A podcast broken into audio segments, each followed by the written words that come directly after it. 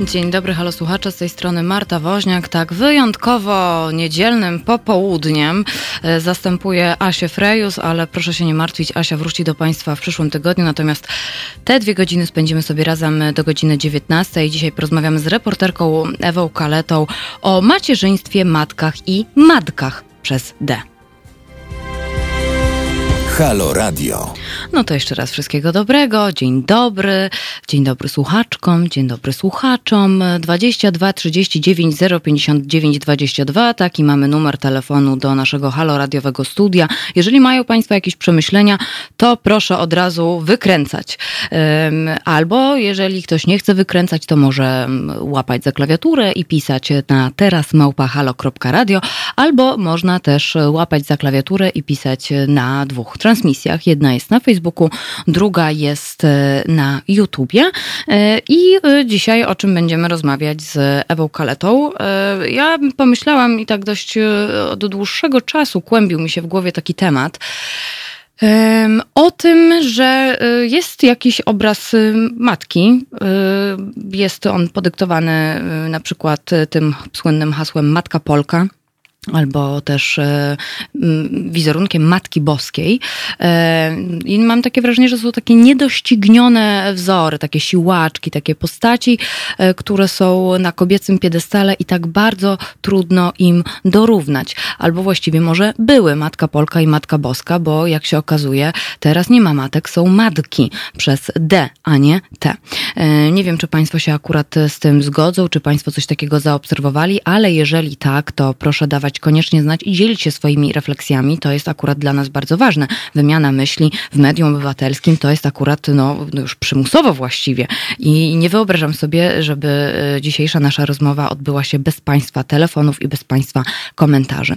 Natomiast, e, natomiast e, porozmawiamy sobie o tym z Ewą Kaletą, reporterką, dziennikarką związaną z Gazetą Wyborczą.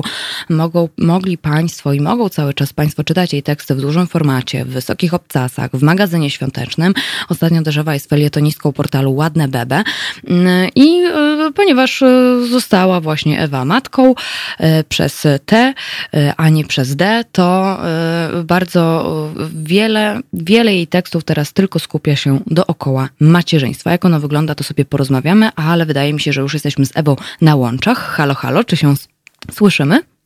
Tak, tak. Dzień dobry, cześć. E, cześć Ewo. E, cały czas Państwu będę przypominać numer telefonu do studio 22 39 059 22, teraz małpahalo.radio i dwie transmisje, jedna na Facebooku, druga na YouTubie. E, Ewo, jak się czujesz? Tak ogólnie zadam i rozpocznę. Słuchaj, bardzo, bardzo dobrze. Swoim trzecim uchem nasłuchuję, czy moja córka nie płacze. Okay. Więc jestem w kondycji e, Matki Boskiej chyba cały czas. E, więc my będziemy razem z Tobą nasłuchiwać. E, jak ja będę też coś słyszeć, to będę Ci dawać po prostu znać, że, że ten. Mm, no to słuchaj, co Ty sobie myślisz o macierzyństwie? Zanim zaszłaś w ciążę, miałaś jakieś takie wyobrażenie o mm. tym, jak to jest być matką, że cudownie, że trudno, że chcesz, że nie chcesz, że dasz radę, że nie dasz rady? -hmm. Wiesz... Y Właściwie chyba odradzano mi macierzyństwo i spotkałam się głównie z takimi bardzo krytycznymi opiniami na temat, y, na temat dzieci małych, na temat poświęcenia, z czym to jest związane. I myślę, że przekazano mi, właściwie nie do końca wiem skąd y, się we mnie pojawiły takie myśli, ale miałam poczucie, że to jest na pewno bardzo trudne i ponad mojej siły i że rzeczywiście trzeba być jakąś taką idealną y, osobą, która się bardzo dobrze ze sobą czuje, ma, ma, ma wszystko pod kontrolą, żeby zostać mamą. No, a ja oczywiście nie czułam, yy, że wszystko mam pod kontrolą. I bardzo się bałam tego macierzyństwa. To znaczy, po prostu z góry założyłam, że ono nie jest dla mnie. Yy, więc, no, no tak, to, to była taka grupa osób, yy, te matki, która po prostu yy, rzeczywiście była taka w moim mniemaniu idealna. Więc wyobrażam sobie, że to po prostu nie jest moja historia, to, że to nie jest moja droga. Dopóki nie zaszłam w ciążę i właściwie zaczęłam się powoli mierzyć z takimi trudnościami z tym związanymi. Yy, chociaż pamiętam też taki moment, w którym się ucieszyłam, że będę w tej grupie, bo ja dosyć dobrze mimo wszystko myślałam o, o, o matkach. Yy, Więc pomyślałam sobie, że jak jestem w tej grupie matek, to może siłą rzeczy rzeczywiście już jestem trochę bardziej pokładana, chociażby z tego faktu, że się na to zdecydowałam. Y, oczywiście to były takie moje takie intuicje, które do mnie docierały, nawet czasem nie na poziomie takiego świadomego myślenia na temat macierzyństwa, mm, tylko gdzieś człowiek dryfuje z takimi przeświadczeniami, prawda? Więc e, no więc właściwie trudno mi jest powiedzieć coś więcej o tym e, początku. No, ale a jak byłaś w ciąży, to jak się czułaś? Nie miałaś takiego momentu, o matko, będę matką? Tak, tak, miałam zdecydowanie. Znaczy, tylko, że w momencie, w którym zeszłam w ciążę, bardzo skupiałam się na tym, co, co tu i teraz i mierzyłam się z takimi problemami ciążowymi. I wtedy, prawdę mówiąc, nie wybiegałam w przód, jaką będę matką, nie projektowałam sobie tego, tego macierzyństwa, ale myślałam głównie o tym, że, mm, że mi jest trudno. E, było, jest trudno z powodów takich oczywiście czysto stricte fizjologicznych, ale też jest bardzo trudno społecznie i to po prostu bardzo mnie zajmowało. Od początku ciąży właściwie byłam, e, walczyłam takim jednym z dużych marketów. Coś tam, e, po, poczekaj, poczekaj, przerwę ci. Coś tam, coś tam grzebiesz z telefonem. A, przepraszam, już przestałam, przepraszam. E, Okej. Okay. Jasne. Więc od początku ciąży walczyłam z, z, z takim supermarketem, dużym sklepem w Warszawie o prawa mm, kobiet w ciąży do pierwszeństwa w kolejkach. E, I trwało to właściwie chyba prawie 9 miesięcy e, batalia o prawa kobiet i byłam bardzo w to zaangażowana. E, nie zawsze czułam się dobrze traktowana przez społeczeństwo w ciąży, szczególnie, szczególnie pod koniec, kiedy ta ciąża już było bardzo mocno widać i stanie w kolejce było problematyczne, czy jechanie metrem. Nawet robiłam takie, takie eksperymenty, i jak miałam więcej siły i trochę czasu, to, to jeździłam po Warszawie na tramwajem i metrem w różne miejsca, tylko po to, żeby sprawdzić, czy rzeczywiście ktoś mi tego miejsca ustąpi, jak ludzie na mnie reagują, czy jest ogólnie klimat jakiś sympatyczny, czy wręcz przeciwnie. No i co? E... Co, no co wynika z badań terenowych? No, nie było najlepiej. Bardzo rzadko ustępowano mi miejsca. Mm, nie pytano się mnie nawet, czy chcę usiąść. Bardzo często mi się również zdarzało w takich zapchanych w metrze zapchanych wagonach po prostu stać i niemalże po prostu z brzuchem pod czyjąś twarzą e, i nic to nie zmieniało. Bardzo to było gorzkie e, i być może dzisiaj, jak o tym myślę, to to oczywiście jest to przykre, ale tego tak nie przeżywam. Natomiast kiedy człowiek jest w ciąży, jest taki bardzo wrażliwy i, e, i, i, i, i potrzebuje troski, tej takiej społecznej uwagi, to to jest rzeczywiście bardzo bolesne. Najczęściej miejsce ustępowały mi starsze panie, o ironię, a najrzadziej młodzi ludzie, wygapieni oczywiście wiesz, w telefon, y, zajęci swoimi sprawami. Bardzo to przeżywałam, pisałam o tym. Y, oczywiście spotykałam się również z krytyką tej postawy. Mm, ale że to, ale bardzo... że, że, y, że po prostu no, jest... jestem roszczeniowa, że to Aha. po prostu jest roszczeniowe, że, że jako kobieta w ciąży mogę ewentualnie po prostu grzecznie poczekać i, i stać i i albo mi ktoś ustąpi miejsce, albo nie, ale broń Boże nie mieć o to do nikogo pretensji, bo przecież wszyscy inni mogą być chorzy, albo nie wiem, no tak, mogą się źle czuć. Mm, wdawałam się w różne internetowe, internetowe kłótnie e, na ten temat również, ale chciałam tylko opowiedzieć, chciałam Państwu opowiedzieć, bo, bo, bo ta historia z supermarketem jest bardzo, bardzo specyficzna. I bardzo rzadko się zdarzają oczywiście kasy, które, które są przeznaczone dla kobiet w ciąży i osobami z niepełnosprawnością. Ale jest taki jeden sklep, gdzie jest właśnie taka kasa. Ja do tego sklepu bardzo często właśnie chodziłam. I mimo, że ta kasa jest bardzo, że tak bardzo mocno oznaczona, widać ją z daleka, to miałam wielkie trudności z ludźmi, którzy stoją w kolejce. I przez te wszystkie miesiące mojej ciąży jeździłam tam i sprawdzałam, czy coś się zmienia, cały czas donosząc właściwie dyrekcji czy coś się zmienia e, w traktowaniu kobiet ciężarnych. I widziałam, że rzeczywiście panie, które e, e, pracują przy tej kasie, obsługują klientów, są coraz lepiej nastawione, coraz, coraz, są coraz bardziej świadome tych potrzeb kobiet w ciąży. Ale widziałam, że to nie ma aż takiego znaczenia, ponieważ trzeba było się przepchać przez po prostu taką ilość klientów, którzy są niechętni, komentują w bardzo niewybredny sposób to właśnie uprzywilejowanie, że to było po prostu, to, to było nie do przejścia. I to była moja bardzo gorzka konstatacja, było mi z tym bardzo ciężko i właściwie tej dyrekcji też. I doszliśmy do wniosku, że no, chyba nic nie da się zrobić. Właściwie wszystkie strony zrobiły wszystko. Ja zrobiłam wszystko, sklep zrobił wszystko. No nie mamy wpływu na to, że klienci nie chcą przepuszczać kobiet w ciąży. Hmm. E, więc tak, więc to, to, mnie, to, to, to, to mnie zdecydowanie pochłaniało, więc e, i byłam bardzo ciekawa, co się stanie, kiedy oczywiście urodzę i jak będę traktowana jako młoda mama. Mm, no i jak? Więc tak. Jak jesteś traktowana jako młoda mama? Um, różnie. Um, w czasie ciąży, wiesz, już się zaczął taki moment, w którym ja czułam, że tak ludzie trochę projektują na tematkę, że yy, jak mówiłam, jak już było widać, że jestem w ciąży, to niektórzy z takim, yy, no nie wiem, tak sympatycznie się do mnie odnosili, sympatyczniej niż zazwyczaj. Widziałam, że ich ta rola mamy tak po prostu ujmuje, a niektórzy bardzo byli krytyczni, bardziej niż wcześniej wobec mnie wypytywali, czy ja aby na pewno jestem przygotowana. Jedna z moich koleżanek zapytała mnie pod koniec ciąży, czy ja nie boję się, że skrzywdzę to swoje dziecko, mhm. że ja będę jakimś złym rodzicem. Yy, I oczywiście to pytanie jest ze mną cały czas, czy ja będę, czy jestem dobrym, wystarczająco dobrym rodzicem. Mm, ale ta ciąża i te, te, te, te pierwsze miesiące macierzyństwa to to było spotkanie z taką czystą projekcją, wiesz, jak człowiek patrzy na matkę, to od razu coś sobie wyobraża i dzisiaj czasami po prostu się z tego opowiadam to już jako żart, ale że matka to jest taki, takie lustro dla wielu ludzi, że oni często przypominają sobie swoje dzieciństwo, to jest właśnie, że widzimy, co oni w ogóle myślą o, o, o mamie jako takiej, z czym ona im się kojarzy, więc e, no to, to, to, to był niezły eksperyment społeczny dla mnie.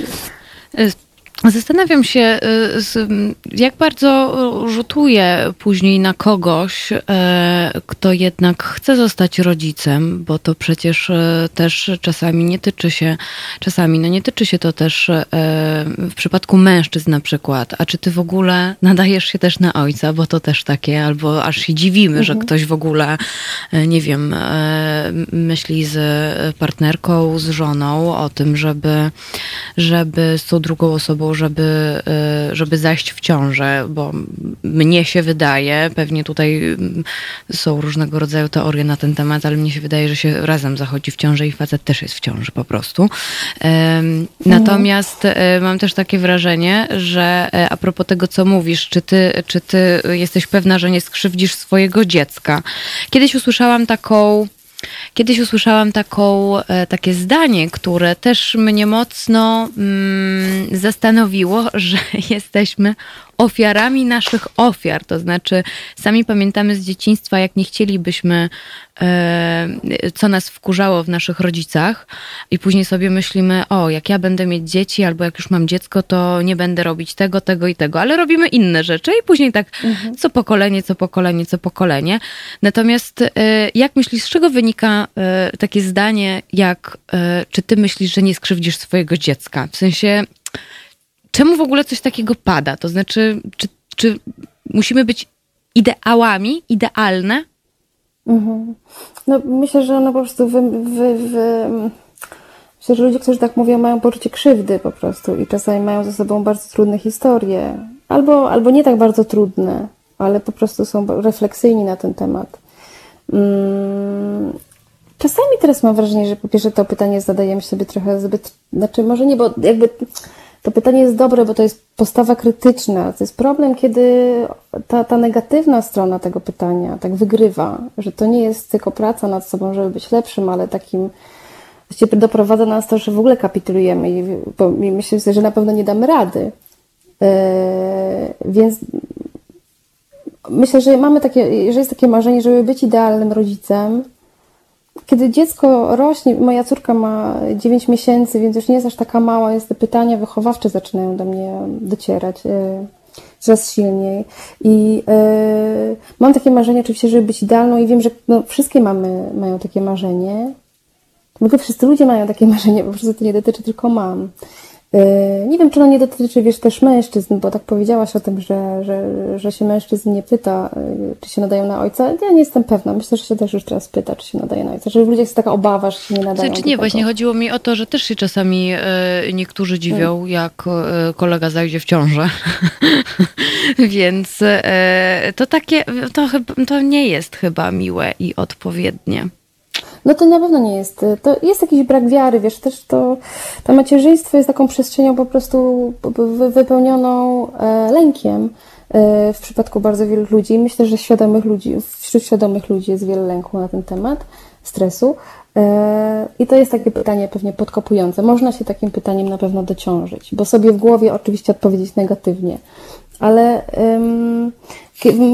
ten okres, e, kiedy jest się w ciąży, ten taki wrażliwy moment, to jest w ogóle czas takiego dużego lęku, że teraz jak dużo rozmawiam z kobietami w ciąży, czy moimi koleżankami, które mają małe dzieci, to staram się głównie łagodzić ich nastroje, bo wiem, że człowiek w ciąży jest po prostu przerażony.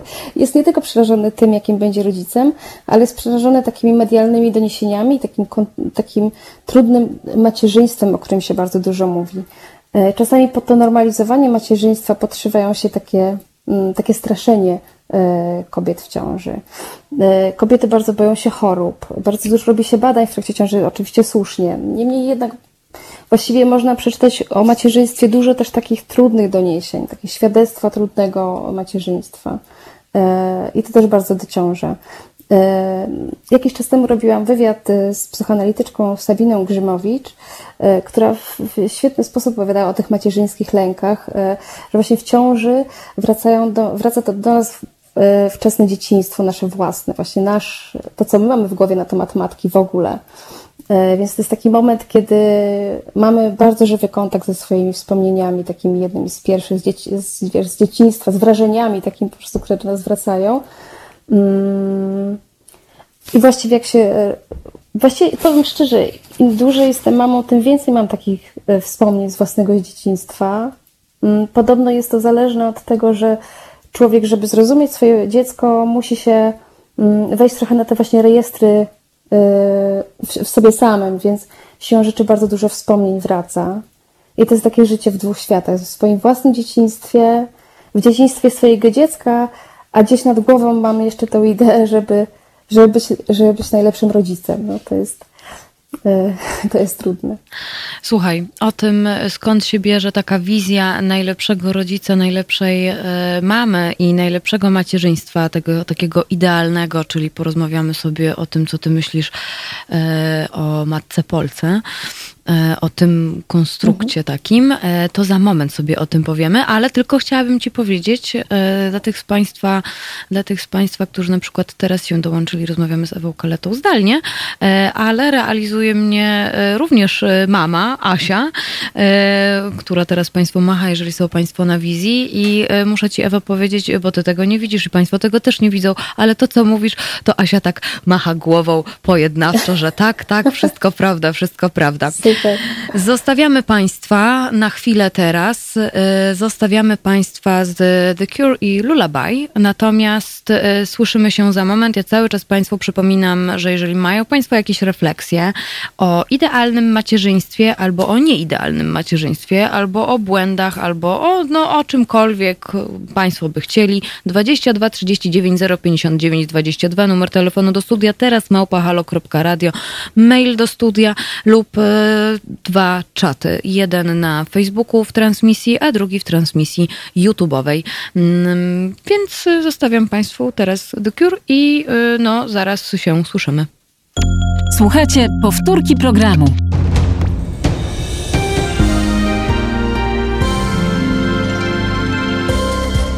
Halo Radio. Pierwsze medium obywatelskie.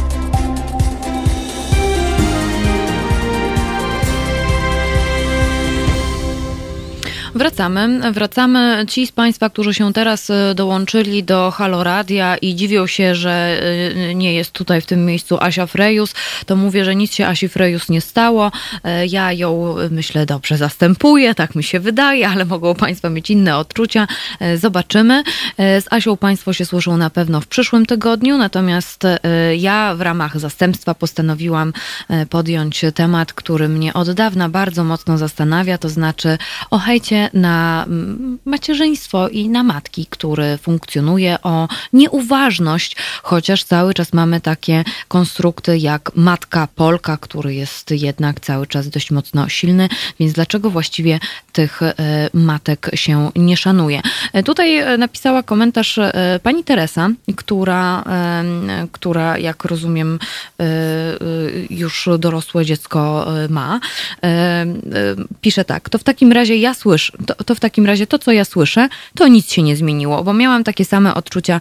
Kiedyś w autobusie był taki tłok, myślałam, że zemdleję z braku powietrza i ścisku. To mi ustąpił pan jadący z pracy, a kobiety nie reagowały. Nieważne, kto ustępuje, ale ogólnie brak podstaw kultury wynosi się to z domu. To strasznie, że takie sytuacje mają ciągle miejsce.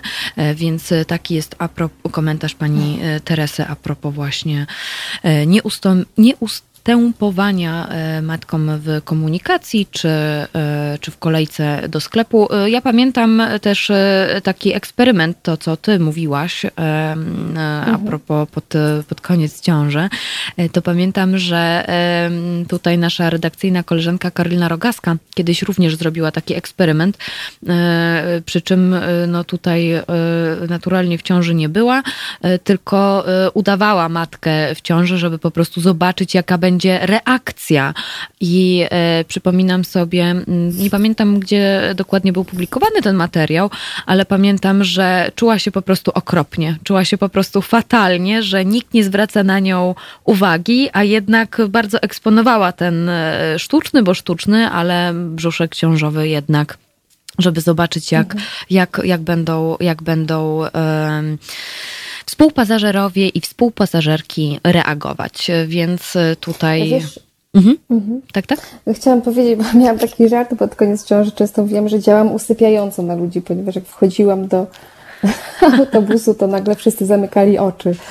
Byli wiesz, tak zmęczeni, po prostu zasypiali na siedząco. To był ten komunikat, który chcieli mi dać e, w jakimś szczątkowym pewnie poczuciu winy. Mm, więc tak, tak. Ja się tak zastanawiam, tak co, by było, co by było, gdyby jednak, e, wiesz, no to, to chyba trzeba znowu pracę u podstaw. Ostatnio jest to moje ulubione zdanie. E, to, to chyba trzeba pracę u podstaw cały czas e, robić i mówić, że kurczę, no ale z drugiej strony, no dlaczego? Przepraszam, jestem w ciąży. Czy mogłabym się zamienić z panem, że ja nie będę stać, a pan lub pani wstanie z miejsca? No i ciekawe, co by było. Ty też pytałaś, pytałaś, robiłaś takie coś też? Mm. Tak, tak, wiesz, zdarzało mi się to robić, ale yy, i ludzie zazwyczaj ustępują, kiedy się ich o to poprosi. Yy, tylko wiesz, no chodzi o to, że czasem trudno jest też prosić, to znaczy trudno jest. Yy, bo człowiek po prostu się czuje bardzo zniechęcony, jak już stoi kilka minut i jest w ewidentnej ciąży, to czuje się zniechęcony tym, że przecież wszyscy widzą, że jest się w ciąży i wszyscy powinni sobie z tego zdawać sprawę i wtedy masz wrażenie, że ty już dostałaś to nie tak naprawdę, więc, mhm. y, więc trochę głupio się tak pchać. Y, y, tak to przynajmniej ja odbierałam. Też mi było głupio się prosić, że człowiek się czuje jednak taki trochę upokorzony w ogóle w tej roli, że musi iść i kogoś prosić, skoro ten człowiek już przecież i tak nie chce tego zrobić. Y, y, najpewniej można prosić i to pewnie y, jest ok. Ja też Pamiętam, że rozmawiałam nawet y, y, z jakimś panem z ZTM i on opowiadał o tym, że oni naprawdę wkładają bardzo dużo pracy w to, żeby uświadamiać pasażerów, no ale oni za nich miejsca nie ustąpią i rzeczywiście mhm. wysyłają mi różne materiały, nawet które wysyłają do szkół e, w Warszawie i i, I rzeczywiście dbają o to w teorii, tylko to tak samo jak z tym sklepem. No, to, to, trudno po prostu później je zrobić. Wiesz, koniec końców y, po prostu musisz wstać y, z miejsca siedzącego i to już nie jest takie łatwe. Mm, okazuje się, więc te programy chyba nie działają aż tak dobrze. No. Co, co, coś tam się coś tam się jako społeczeństwo po prostu, wiesz, nie udaje. Ja myślę, że po prostu e, bardzo um, w ludziach się uruchamia jakieś takie poczucie niesprawiedliwości, że oni się też źle czują. Zresztą wiesz, w komentarzach w internecie to widać bardzo, że wszyscy nagle są chorzy ja mhm. jestem chora. Ja pamiętam, czytam takie komentarze, ktoś mi opisywał, że nie ustępuje miejsca, bo ma Hashimoto. No wiesz, nie, trudno z tym bardzo dyskutować. To znaczy, że wszyscy mamy jakieś takie po prostu poczucie niezaopiekowania, że musimy sobie wywalczyć to miejsce i ty nie masz prawa się o nic y, zgłaszać. Bardzo często czułam to stojąc w kolejce, y, właśnie w tym dużym sklepie i prawdopodobnie gdyby nie wsparcie mojego męża, to bym tam nie chodziła i nie miałabym siły już mierzyć się z tymi, z tymi, z tym wzrokiem ludzi, nie wiem, y, takim karcącym, takim rozczarowanym, że jestem jakaś taka po prostu nadmiarowa, że mi tak trzeba ustępować, po prostu takie, no to było po prostu naprawdę trudne. Ale teraz jak o tym opowiadam, to, to myślę, że nie, no całkiem, całkiem dużo pracy wykonałam nawet na tamten moment, takiej badawczej, yy, yy, trochę dla siebie, trochę dla opisania, yy, no jestem z siebie dumna, tak powiem szczerze. Słuchaj, e, realizatorka Asia chciałaby tutaj, e, bo też miałyśmy dyskusję w przerwie, e, właśnie a propos chociażby tych wspomnień dzieciństwa, które mówiłaś, które się tam właśnie dzieją mhm, tak. podczas ciąży, ale tutaj Asia chciałaby się dołączyć do dyskusji, więc zapraszam, zapraszam, ale też Państwa serdecznie zapraszam. 22 39 059 22 to jest numer telefonu do studia. Mogą Państwo też komentować, wysyłać maila, teraz małpahalo.radio. Mogą Państwo pisać na czacie, na YouTubie, na Facebooku. I y, proszę również pamiętać i nie zapominać, jestem z Państwem do godziny no, no prawie 19. E, jesteśmy e, w trójkę tutaj e, do godziny 19, że to, że możemy sobie o tym porozmawiać tak na spokojnie, tak na luzaku, że tak powiem kolokwialnie, to dzięki Państwu i cały czas zachęcam do wspierania Halo Radio. Więcej informacji na ten temat na naszym Facebooku i na naszej stronie halo.radio. I teraz, Asiu, dajesz.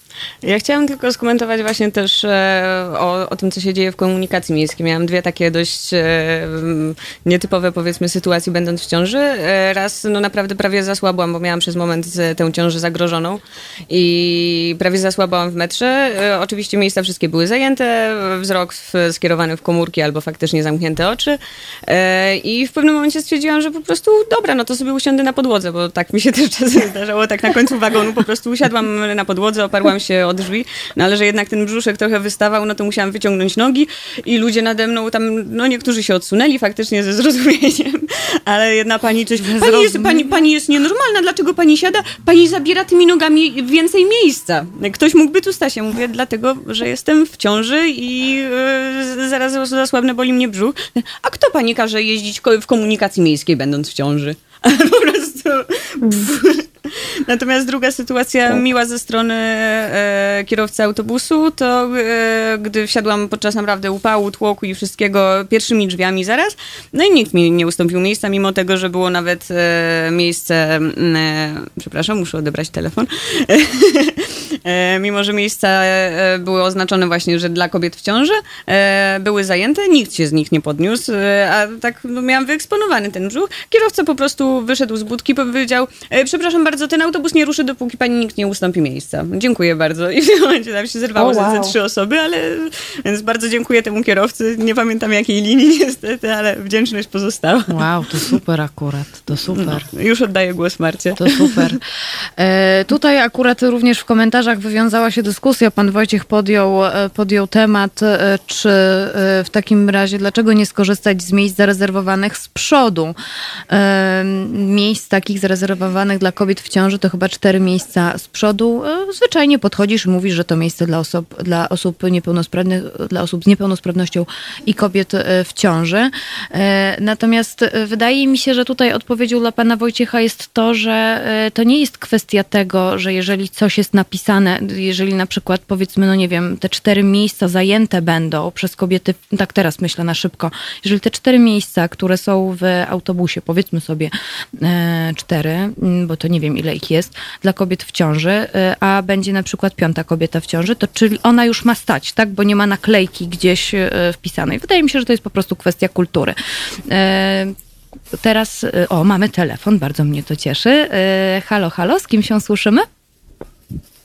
Dzień dobry, Robert z tej strony. Dzień dobry, panie Robercie. Dzień dobry. Ja co prawda nie jestem matką, ale chciałbym się podzielić z kilkoma takimi fajnymi spostrzeżeniami, które mam w związku z tym, że e, pozwalam sobie zamieszkiwać e, Niemcy. E, I, I tak dostrzegam jakby to, co, co, co kulturowo, że tak powiem, do czego kulturowo się przyzwyczaiłem w Polsce. Odejmy na to ostatnio mieszkałem też w Trójmieście, gdzie powiedzmy, że było racz, było tak miło, sympatycznie, wszyscy byli w miarę uprzejmi do siebie, ale ta uprzejmość, którą tutaj dostrzegam w komunikacji miejskiej jest jakby tak trochę na innym, no dobra, wyższym poziomie. I tutaj generalnie y, wszyscy są y, tak uprzejmi, że, że ja czasami po prostu mówię, tak, ta pani starsza do mnie taka, taka uprzejma, uśmiechnięta, wszyscy tak, tacy y, y, przyjemni i w ogóle roześmiani, każdy każdemu y, dobrze życzy. I mi się wydaje, że ten, ten, ten problem kulturowy, o którym y, tutaj y, y, mówicie panie, to jest coś, coś co, o czym Halo Radio ciągle mówi, hmm. E, czyli to, że gdzieś tam, gdzieś tam ciągle jesteśmy truci e, jakimś takim poczuciem winy, ciągle jesteśmy podtruwani takim, takim tym, żebyśmy na, na siebie najeżdżali i to z tego, moim zdaniem, w moim odczuciu, to wynika. Tutaj w Niemczech, jeżeli człowiek pracuje, to ma całkiem inne wsparcie państwa, e, nie musi walczyć o życie. Jeżeli nie chce mu się pracować, to i tak e, e, dostanie jakieś wsparcie, ale będą mieli, człowiek będzie miał zachętę w Niemczech. A w Polsce, żeby, żeby mieć kasę, to muszę być matką z czwórkiem dzieci, i wtedy mam 500, 500 plus, no i, i, i, i wtedy wiadomo, warczymy jeden na drugiego, nie? A w mhm. rezultacie, skoro ten jest niedobry i tamten jest niedobry, no to, no to ja nie będę dla, dla nikogo, że tak powiem, miły, uprzejmy, no bo nikt nie jest do mnie miły i uprzejmy. A w Niemczech to jest jaki, nieważne w jakim mieście, to jest taka, taka norma, która, która mnie zaskakuje za każdym razem, kiedy odwiedzam nowe miasto, i, i z radością ją po prostu, e, z radością do niej się dostosowuję, no bo, bo jeżeli jadę rowerem gdzieś i, i ktoś mi po prostu e, z uśmiechem mm, e, przepuszcza, chociaż nie musi, ja wyhamowuję, ale wszyscy są tacy sym, sympatyczni, nie, tacy uprzejmi, tacy wyrozumiali. W rezultacie wszystkim się żyje lepiej, nie? No tak, no tak. tak. Gdybyśmy, ja cały czas o tym mówię, że gdybyśmy po prostu popatrzyli trochę dalej niż czubek własnego nosa i trochę wyszli z tych swoich czterech ścian, w których jesteśmy zamknięci, czy to Ale o dom chodzi, czy to nie, o głowę, nie, nie, prawda? Jeżeli, jeżeli, nie, nie, nie, właśnie jeżeli mógł, mógłbym coś zasugerować, mhm. to nie idźmy tą drogą. Nie mówmy, że, że jesteśmy zadufani, bo to znowu wpycha, kogoś może wepchnąć w poczucie winy. Poczucie winy nam nie jest potrzebne. Po prostu bądźmy y, dobrzy dla siebie nie dlatego, że, że y, ten czubek nosa też jest ważny. Tak, tak? oczywiście jest ja, ważne, tylko y, że tak przerwę pa, panu, panie Robercie. Ja sobie myślę, że Aha. Mm, gdybyśmy właśnie tak popatrzyli właśnie dookoła siebie, to znaczy, że właśnie e, ojej, do, teraz do, do autobusu weszła pani w zaawansowanej ciąży, e, to od razu Aha. wydaje mi się powinniśmy mieć taki dryk, żeby patrzeć po prostu dookoła. E, nie wiem, czy to w kolejce, tak, ale... różnych po prostu sytuacjach.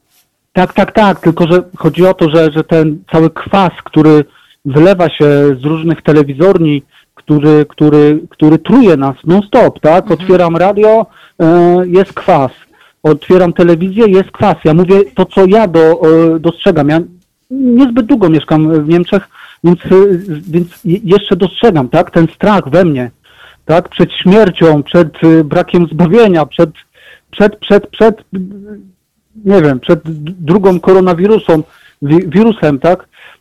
A jak jestem tu w Niemczech, to ja wiem, że mam opiekę medyczną, że mam ubezpieczenie, że jak stracę pracę, chociaż to jest niemożliwe oczywiście w tym, co robię, e, to, to mam opiekę państwa, a ja sobie wybrałem taką ofertę państwa, która mi pasuje i teraz ja obniżam mój strach. Ja nie muszę być dla nikogo agresywny, ja nie muszę być dla nikogo e, nieprzyjemny, bo nikt nie jest dla mnie nieprzyjemny, ja się dostosowuję, nie? I teraz ja wierzę w to, że e, angażując się w radyjko, w, w Halo Radio, będziemy, że tak powiem, tą dobrą energię, yy, yy, tą dobrą energią się dzielić i w tym momencie ten czubek nosa, on też jest ważny, on też, ale to każdy będzie mógł, że tak powiem, z, z tego wziąć to, co uważa dla siebie. Czy mogę być uprzejmy e, e, w komunikacji miejskiej dla innych? Czy mogę puścić panią, która mm, e, wygląda na trochę zmęczoną albo jest w zaawansowanej ciąży? Nieważne. Mogę. Zawsze. Nieważne z jakiego powodu.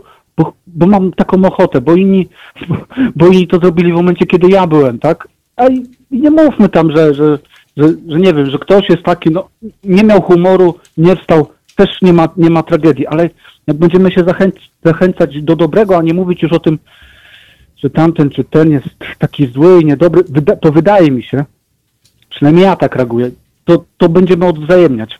Jak widzę kogoś, kto się uśmiecha, no to się uśmiechnę.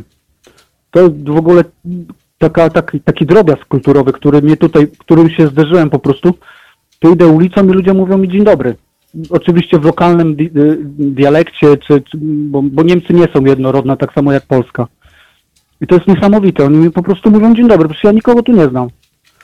Oni no. mówią mi dzień dobry, nie? No. Uśmiechają się do mnie. A co, co, co ja w zamian zrobię? Przecież nie będę warczał na, na obcego człowieka, który mi uśmiecha się do mnie. Odwzajemniam to. Niesamowita rzecz. Ja bym się dzielił uśmiechem. Na początek. Niewiele i nie kosztuje nic. I zachęca ludzi, słuchajcie, też się możecie uśmiechnąć. A jak jest uśmiech, to i się znajdzie wolne miejsce, nie? O, to jest fajna historia. Bardzo, bardzo dziękujemy Panie Robercie za podzielenie się tym. Tak, uśmiech. Zacznijmy się uśmiechać po prostu do siebie. To też jest inaczej. Ja robiłam kiedyś podobne testy, tak. jeżeli chodzi o kolejkę, e, olejkę, o kolejkę w, w Empiku.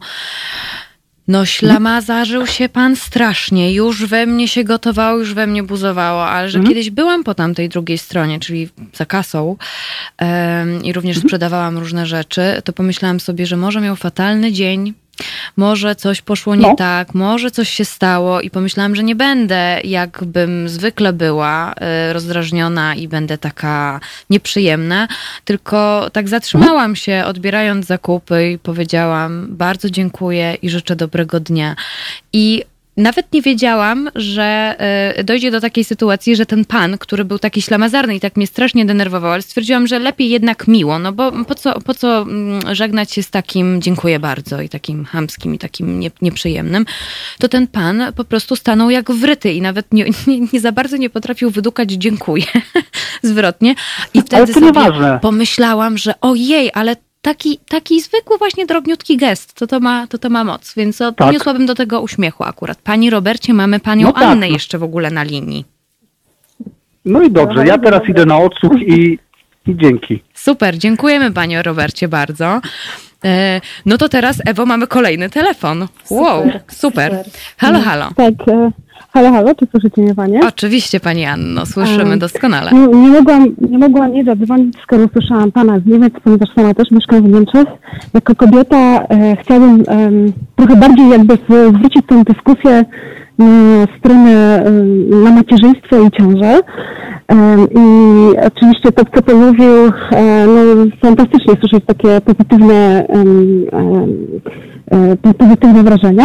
Natomiast e, wydaje mi się, że ta podstawowa różnica, to o czym Pani mówiłyście wcześniej, to ja bym to określiła jako taką e, gloryfikację, ale też stygmatyzację ciąży i macierzyństwa. Mhm. I wydaje mi się, że w tym Niemczech nie ma do czynienia, ze względu na to, że tutaj nie mówi się o macierzyństwie, tylko mówi się o rodzicielstwie. Ta, ta ciąża nie jest tak zmedykalizowana jak w Polsce. Nie mówię o tym, że jest kompletnie nieprowadzona przez lekarzy, nie, tylko po prostu w Polsce mam wrażenie, że ta, ta ciąża y, jest bardzo zmedykalizowana, że to jest, y, że to nie jest stan fizjologiczny, to jest jakiś, jakaś forma, nie chcę mówić choroby, ale jakaś inna, inna postać y, kondycji medycznej, która powoduje, że, że kobieta jest stygmatyzowana w pewien sposób. Tutaj jest większa, nie wiem, czy to znaczy to jest takie moje wrażenie, czy się Pani ze mną zgodzicie, czy nie. Natomiast tutaj też jest jakby odciążenie E, tej stygmatyzacji lub gloryfikacji ciąży i macierzyństwa, ponieważ e, tutaj te relacje pomiędzy partnerami są bardziej równe. Ja nie mówię, że są, że są w 100% równe, bo to, to niestety nie.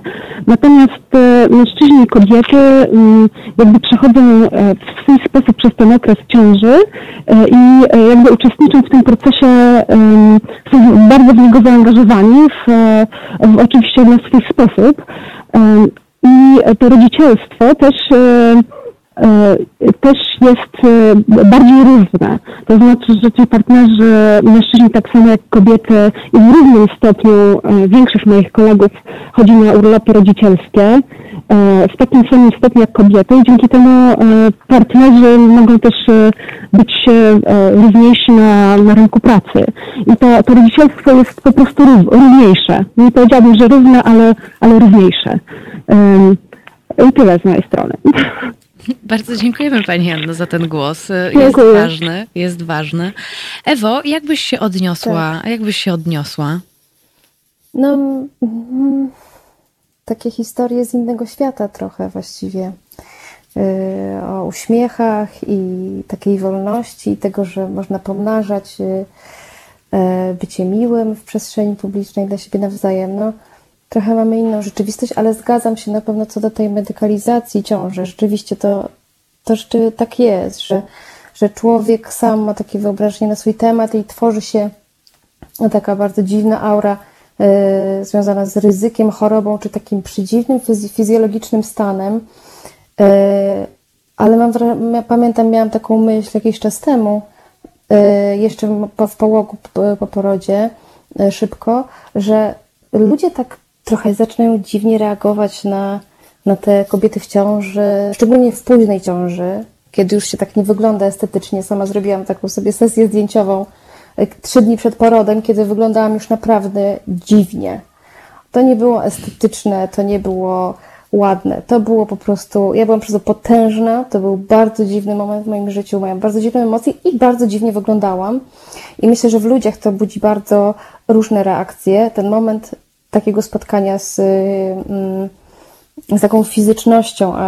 Zresztą później, jako mamy, obserwując noworodka, czy właśnie będąc w połogu, czy karmiąc piersią, jesteśmy bardzo blisko takiego, takich fizjologicznych tematów. Mm, I normalnie człowiek, który z tym nie ma y, związku na bieżąco, y, nie jest pod to również podłączony, myślę, że też ma taki odruch, taki problem z tym. E, ja tak interpretuję problemy z karmieniem publicznym, problemy właśnie z mówieniem za dużo o, o swoich dzieciach, z tymi słynnymi kubkami dzieci, zdjęciach, ze zdjęciami kubek w internecie, że jesteśmy w bardzo różnych momentach i ten, ta sytuacja bycia mamą, naj, najpewniej też hormonalnie, mm, również jest w taki sposób regulowana, że człowiek jest bardzo blisko fizjologii jest bardzo na nią wyczulony i trochę to symbolizuje taki, taki, taki trochę mroczny świat, taki świat fantazji, dziwnych wyobrażeń. Eee, nie lubimy chyba być tak blisko ciała, myślę, hmm. współcześnie. Tak, ale wiesz co, ja pamiętam tę sesję zdjęciową, o której, o której ty mówisz. Ona była publikowana między innymi w Wysokich Obcasach właśnie. E, przypomnisz nazwisko fotografki? E, Karolina Jackowska. Karolina Jackowska. E, I nie miałam takie, patrząc, patrząc na ciebie, pomyślałam, że wow, ale super, jest, e, jest, jest, jest to dość, dość ciekawa.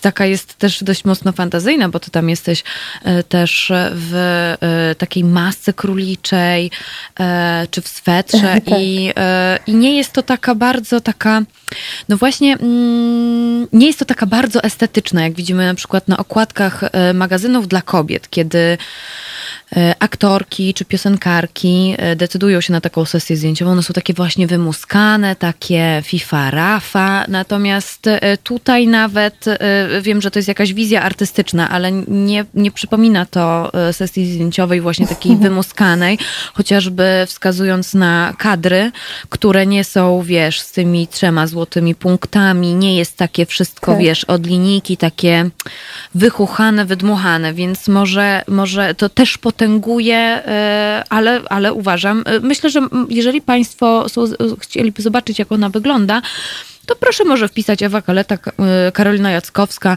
i zerknąć, i zerknąć jak, jak wyglądała Ewa Kaleta trzy dni przed porodem w masce króliczej między innymi. Tutaj pani Anna wskazuje również, że fizjologia to temat tabu. E, no tak.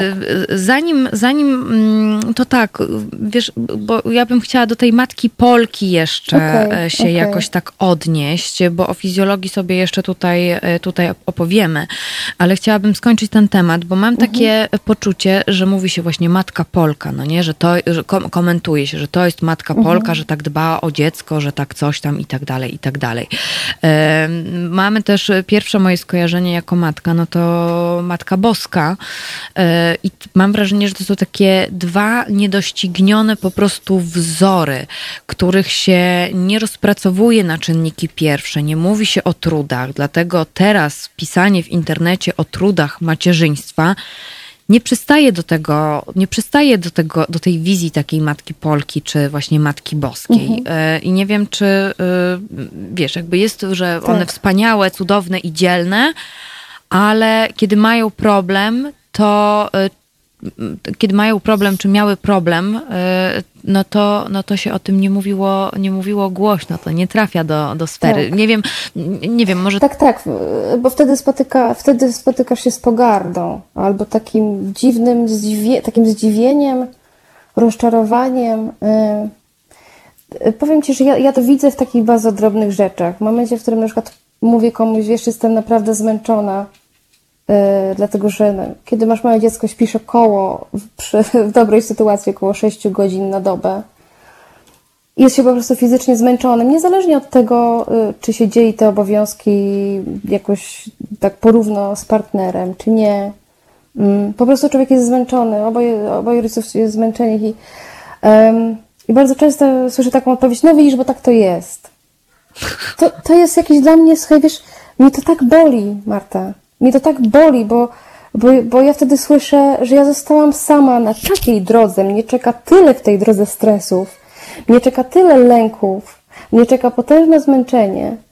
Ja mam tyle historii do opowiedzenia na temat mojego macierzyństwa, słyszę od świata, słuchaj, no, twoja sprawa, tak to jest. I to jest bardzo bolesne.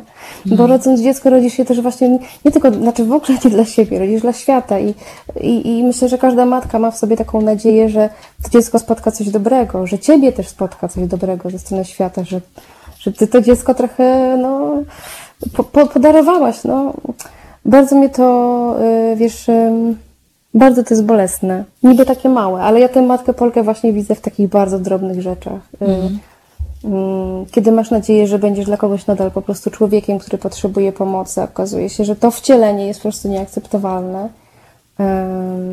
I masz rację, bardzo często mówi się o tym, że mamy są dzielne, ale nie, kiedy na przykład nie jesteś dzielna i opisujesz w internecie, że twoja córka ma właśnie, czy przepraszam, twoje dziecko ma właśnie e, wysypkę od dwóch dni i już jesteś zapisany do lekarza, ale tak się stresujesz, że szukasz porady innej kobiety i ktoś ci na przykład pisze, e, no wiesz mamo, nie histeryzuj.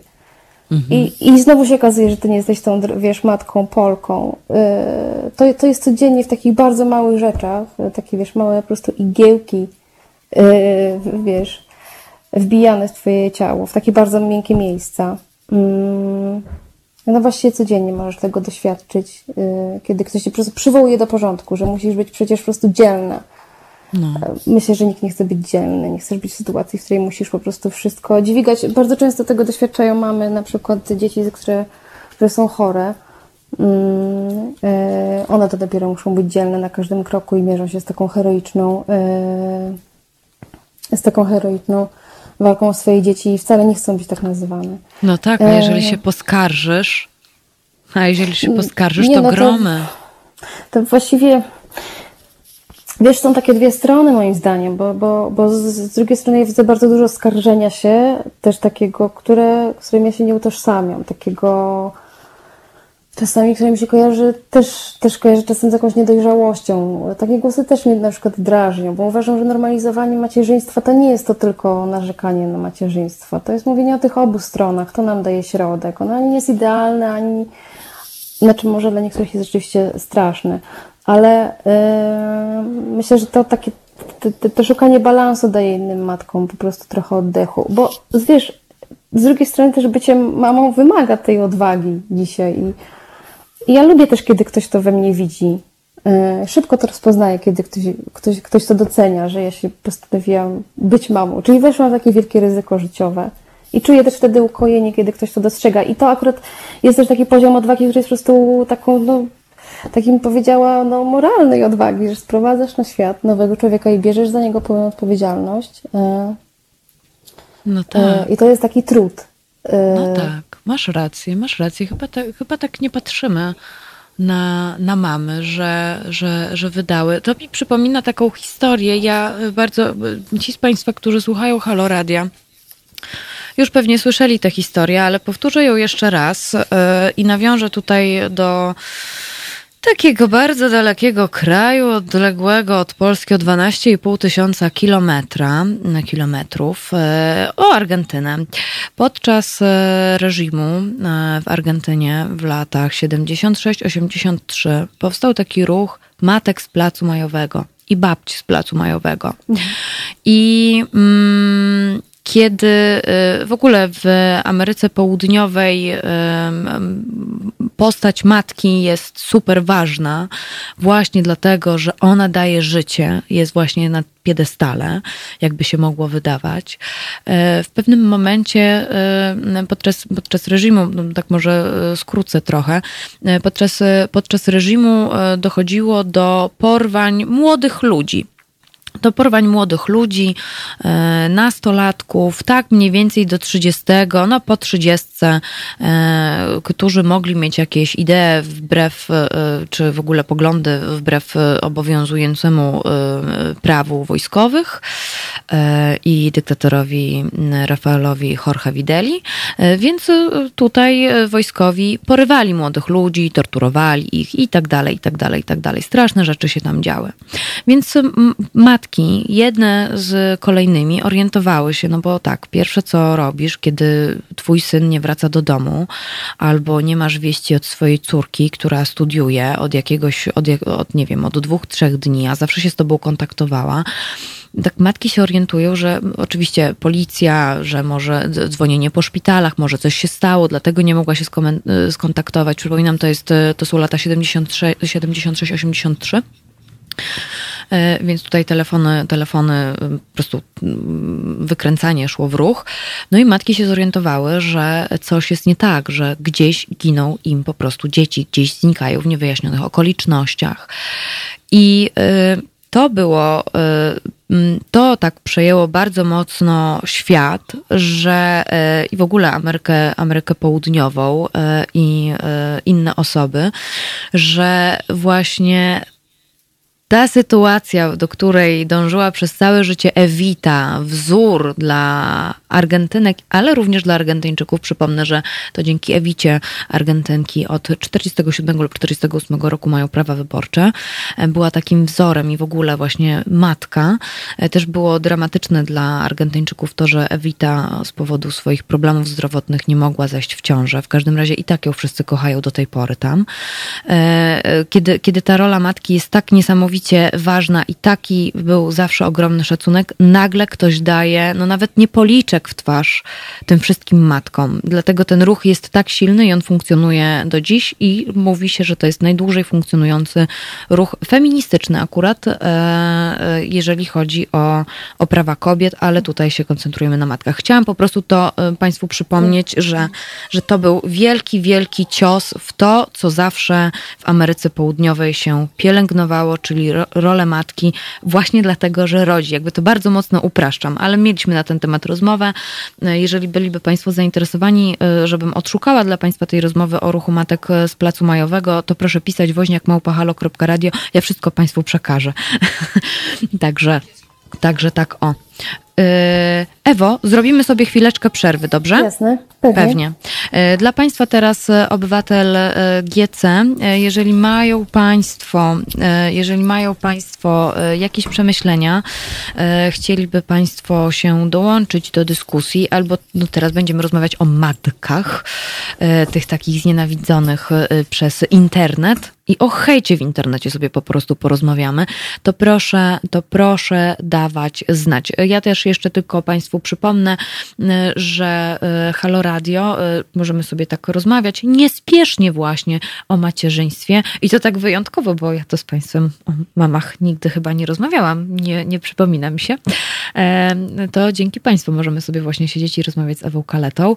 E, I przypominam, że Państwo są nie tylko słuchaczami i słuchaczkami, ale również darcy, darczyńcami i darczyniami. Jeżeli uważają Państwo, że powinniśmy się dalej rozwijać, a zakładam, że skoro Państwo słuchają teraz Halo Radia, to tak Państwo uważają. Proszę nas wspierać. To bardzo ważne, byśmy dalej się rozwijali i byśmy mieli po prostu głos taki i obywatelowali. O, obywatelować to jest ostatnio też moje słowo, które tak wymyśliłam. Pewnie ktoś już wymyślił wcześniej, ale e, cóż, przypisuję sobie tutaj wymysł go wymyślenie go, więc obywatelujmy wspólnie, e, jak halo.radio, tam są informacje, jak można nas wspierać lub na naszym Facebooku też są obszerne informacje, jak można nas wspierać, natomiast ja już Państwa zostawiam z obywatelem GC.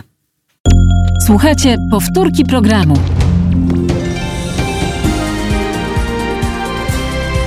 Halo Radio. Wracamy do Państwa. Jest 5 minut po godzinie 18. To jest niedziela 2 sierpnia 2020 roku. Przed mikrofonem Marta Woźniak. Za sterami, żeby wszystko było dzisiaj na tip-top Asia. Natomiast e, z nami na łączach jest Ewa Kaleta, reporterka E, reporterka, która, e, która pisze teraz o swoich doświadczeniach macierzyństwa i wylewa się na nią ogromna fala hejtu. O tym hejcie sobie porozmawiamy. Tutaj jeszcze dopowiem, bo przed przerwą mówiłam o, przed obywatelem GC, mówiłam o matkach e, z Placu Majowego. Tutaj pani Danuta wskazuje, matki Buenos Aires spotykają się co czwartek o godzinie 15.30, na głowach mają białe chustki. Tak jest, prawda. Miałam mm, przyjemność, nie nazwałabym tego przyjemnością, bo to było dla mnie bardzo e, takie, mm, bardzo emoc emocjonalne przeżycie i bardzo płakałam, ale tak, byłam w czwartek o godzinie 15.30 na głównym placu, e, placu majowym w Buenos Aires i było to niesamowite przeżycie, patrząc na e, starsze panie, 70-80-letnie, które cały czas nieprzerwanie opłakują swoje, swoje dzieci, które zaginęły i, e, i z którymi do tej pory tutaj nie bardzo wiadomo, jak, jak, jak e, odszkodowanie. No, bardzo, bardzo jest to ciężki, bardzo jest to ciężki e, temat. Tutaj Julek podpowiada, że tak, podcast, jeżeli Państwo chcieliby posłuchać o, o, o tych matkach z Placu Majowego i o feminizmie w Ameryce Południowej troszeczkę, to tutaj podcast 25 stycznia, rozmowa z Pauliną Zamęcką, autorką książki Matki i Babcie z Placu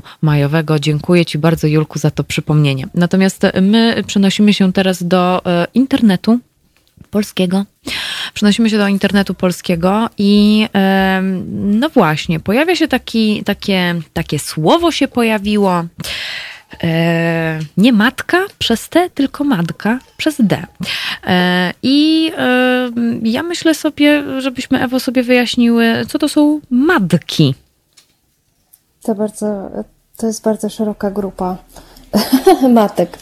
Um, mam wrażenie, że matka to jest dziś już po prostu matka, um, bo każdy ma swoją własną definicję, e, co oznacza matka.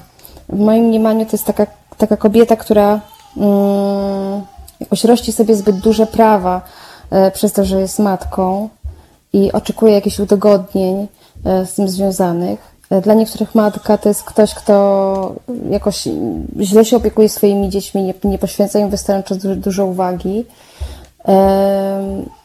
Ale ja myślę sobie, że to jest takie słowo wytrych, że ja, ja też z pewnością jestem dla niektórych matką, ponieważ nie wiem, jestem na pewno bardzo wrażliwa e, na swoje dziecko, na jego stan zdrowia i i siedzę w Google'ach i ciągle coś sprawdzam i szukam idealnego wózka spacerowego i najpewniej też jestem matką dla niektórych. No to taką zbyt właśnie przyjętą, y, oczekującą wsparcia y, ciągle. Mm, no więc tak, więc moim zdaniem ta definicja jest bardzo rozmyta i, y, i każdy ma swoją matkę po prostu. Zależnie od swoich deficytów, zależnie od swoich poglądów, od poczucia jakiegoś skrzywdzenia, nadużycia społecznego, czegokolwiek. E, ale razem z matkami pojawiają się te tak zwane bąbelki albo bachory. E, I e, zastanawiam się, tak myślę sobie, bardzo mnie zawsze bolą takie komentarze, które mówią, no, takie oceniające, takie chamskie. I wydaje mi się, że w stronę um, kobiet, które urodziły dzieci, jest ich bardzo, bardzo dużo. Mimo, że um, ja matką nie jestem, um, mimo, że wiedzą Państwo, Facebook jest jakiś taki, sobie sami go w jakiś sposób nie wiem, e, programujemy i chcemy słuchać i oglądać te, te treści, które nas najbardziej interesują, e, ale jednak docierają do mnie takie okropne czasami komentarze właśnie o matkach. Ale jak przychodzi co do czego, jest 26 maja, to wszyscy właśnie o, e, wszyscy właśnie wrzucają swoje zdjęcia z dzieciństwa albo wrzucają zdjęcie swoich mam, jak były młode i jest tak bardzo miło i sympatycznie, a później, a później jednak znowu lecą te takie straszne komentarze o matkach. E, przera, przera, przeraża mnie, przeraża mnie właśnie to, co robi, ktoś to ładnie nazwał komentariat. E, czy tak, tak, komentariat właśnie takie internetowe, yy, yy, komentarze to to, to tak. Ojej, Gregory House, nasz, yy, nasz, nasz słuchacz mówi, nie bachory, to się mówi chyba gówniaki, ewentualnie kaszo. Hm, nie, nie. Kaszojady. Mhm. Tak, kaszojady, więc, więc też są takie określenia. Co ty sobie o tym myślisz? O takim właśnie o tych kobietach, które szukają pomocy w internecie czasami, no bo mm, umówmy się, czasami pytanie o to, co zrobić z. Był, był, kiedyś, taki, był kiedyś taki screen, który latał wszędzie, e, jako taki, nazwijmy to mem, a propos tego, że dziecko, e, że dziecko się skaleczyło i co ja mam teraz zrobić.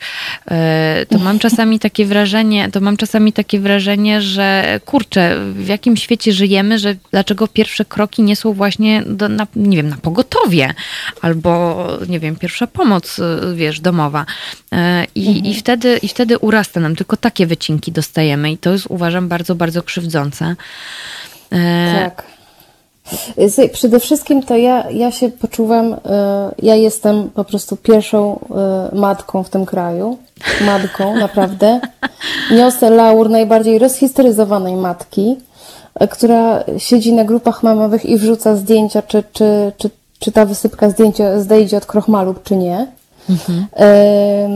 I czytam wszystkie posty. Więc to ja. I już, już tłumaczę, dlaczego to robię. I yy, yy, to znaczy, to, to jest bardzo głębokie pytanie. Ludzie się potwornie wściekają o to, że kobiety szukają po prostu odpowiedzi w internecie. Ale można sobie wyobrazić, że ja mieszkam w Warszawie, a moja mama, mama mieszka daleko. Mam mało koleżanek, które mają dzieci, albo jeżeli mają dzieci, to zazwyczaj są nimi zajęte i nie chcę im zawracać głowy po raz kolejny, albo im zawracam głowę, ale chcę jeszcze kogoś dopytać. Więc tak, więc ja to robię. Dlatego, że nie mam, po prostu nie wiem. Na przykład często nie wiem, co zrobić. Gdybym ja jako matka za każdym razem szła do lekarza, kiedy ktoś w internecie mnie do niego wysyła z moim dzieckiem, to właściwie mogłabym kompletnie od tego lekarza nie wychodzić. Natomiast kiedyś e, moja znajoma pediatra powiedziała mi, że ona głównie mamom mówi, żeby one jednak do lekarza nie przychodziły, żeby one najpierw zapytały swojego otoczenia, zapytały się o radę, ponieważ przychodzą do lekarza z każdą taką sytuacją, po prostu, która dla nich jest niepokojąca, ale obiektywnie nie jest niepokojąca. Bardzo mało wiemy o niemowlętach i opiece nad niemowlakami, no bo niby skąd jako młode mamy, mamy o tym, mamy cokolwiek na ten temat wiedzieć. Też w związku z tym, że już nie funkcjonujemy w takim świecie, w którym kobiety są otoczone innymi kobietami, nie możemy sięgnąć tak po, po, po, wiedzę i, i, i mądrość jakichś bliskich nam kobiet z doświadczeniem. Bardzo mało znam osób, które naprawdę mają taką super sytuację. No to gdzie idziemy? No to szukamy odpowiedzi w internecie i no i tam zazwyczaj znajdujemy odpowiedź, ponieważ w trzy sekundy po jakimś pytaniu pojawia się jakieś pięć komentarzy, mam, które są nie przejmuj się, to przejdzie, kup jakąś maść, e, ale oczywiście bardzo często ludzie właśnie zapisują się do lekarza i kobiety są już tak wylęknione, tak się boją tego ataku, że one pytają o cokolwiek w internecie, że zaczynają swoje wpisy od tego stwierdzenia, jestem umówiona do lekarza, ale chcę się skonsultować z innymi mamami, chcę się zapytać, czy wy macie takie doświadczenie. Nie właśnie po to, żeby diagnozować te swoje dzieci, ale żeby w ogóle jakkolwiek te sytuacje żeby się uspokoić trochę, żeby poszukać wsparcia, którego jest naprawdę bardzo mało. Szczególnie, że to właśnie macierzyństwo jest takie osamotniające w dużym mieście na przykład. Więc e, mm, wiesz, mnie nie boli też, że ludzie się z tego śmieją jakoś tak może personalnie, ale e, bo staram się mieć do tego dystans akurat w tym temacie, ale jestem po tej drugiej stronie i żyję w dużym niepokoju. Jak wiele mam, po prostu taka jest sytuacja wewnętrzna wielu mam i po prostu chcę się dowiedzieć, e, więc nie rozumiem, dlaczego to budzi aż tak dużo emocji.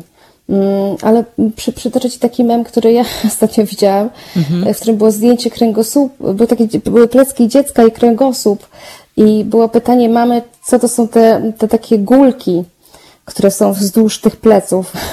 I to po prostu no. takie pochylone, wiesz, małe dziecko. I oczywiście można się z tego śmiać, a z drugiej strony zobacz, bo to pokazuje, w jakim my żyjemy niepokoju o te dzieci jakie jesteśmy w tym samotne, wiesz, że wrzucamy mhm. takie zdjęcie do internetu, bo prawdopodobnie wstydzimy się, albo, znaczy nie mamy kogo o to zapytać, albo nie chcemy zawracać y, głowy innym ludziom, nie chcemy być wyśmiane, ale jesteśmy w jakimś niepokoju, y, wiesz, prawdopodobnie przemęczone, z dużą ilością obowiązków, więc no ja się, ja się nie śmieję z takich mam, no. ja im po prostu odpowiadam. Mhm. E, tutaj pani Anna e, wskazuje słusznie, uczymy się w szkole budowy pantofelka, a nikt nas nie przygotowuje pragmatycznie do życia. Ja pamiętam taką historię, e, to tutaj teraz będzie ogromna prywata, proszę państwa, bo ja pamiętam, jak kiedyś miałam rozmowę z moją mamą, to akurat a propos wychowania. Moja mama powiedziała mi kiedyś i bardzo mnie to ujęło i jak zaraz zacznę płakać, bo mnie to bardzo wzrusza jednak, to yy, no proszę, to Ewa, Ewo, będziesz mnie ratować i coś powiesz, dobrze? Pewnie.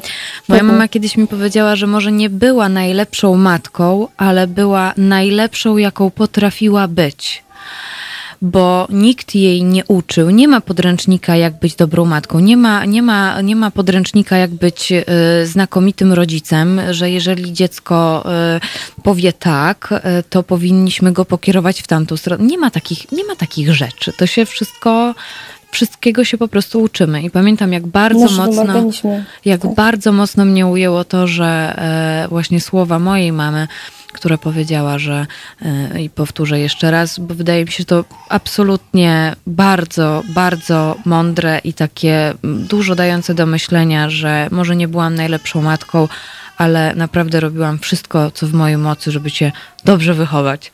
Więc e, to było, to było dla mnie bardzo ważne. Natomiast ty...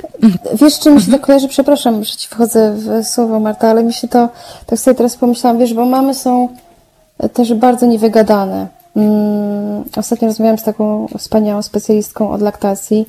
To im powiedziała, wiesz, ja idę na pocztę i kobiety opowiadają mi o swojej historii laktacji. Są tak, tak bardzo i często mówią, nikt, nigdy nikomu o tym nie mówiłam, no bo komu, kogo to interesuje. I ja myślę, że jest tyle wspaniałych historii mam, e, takich wspaniałych właśnie życiowych, wiesz, codziennych, e, które, których się nie mówi, których nikt nie słucha. Mamy żyją w poczuciu, że to nikogo nie interesuje. E, ja sama też nie jestem, czuję, czuję się mocno niewygadana, mimo że dużo o tym mówię, ale człowiek, wiesz, ma tyle przeżyć i tyle myśli, chciałby się z nimi podzielić. Ja myślę, że są cenne i ciekawe.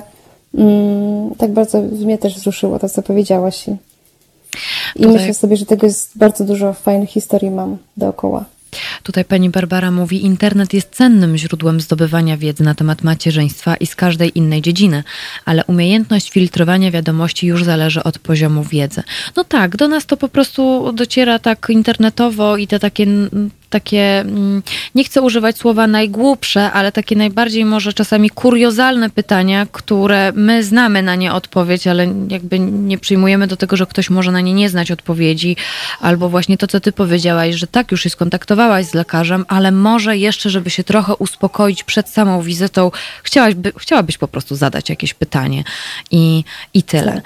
E, więc, e, więc myślę sobie, że, e, że to tak. Natomiast ty napisałaś taki tekst właśnie o matkach i co prawda nie, nie, nie tam mało o internecie jest, ale felieton e, w Wysokich Obcasach, ale e, ja Państwa odsyłam do niego, bo wydaje mi się, że warto, warto się zaznajomić e, nie tylko z tekstem, ale również z komentarzami, których jest tam bardzo, bardzo dużo.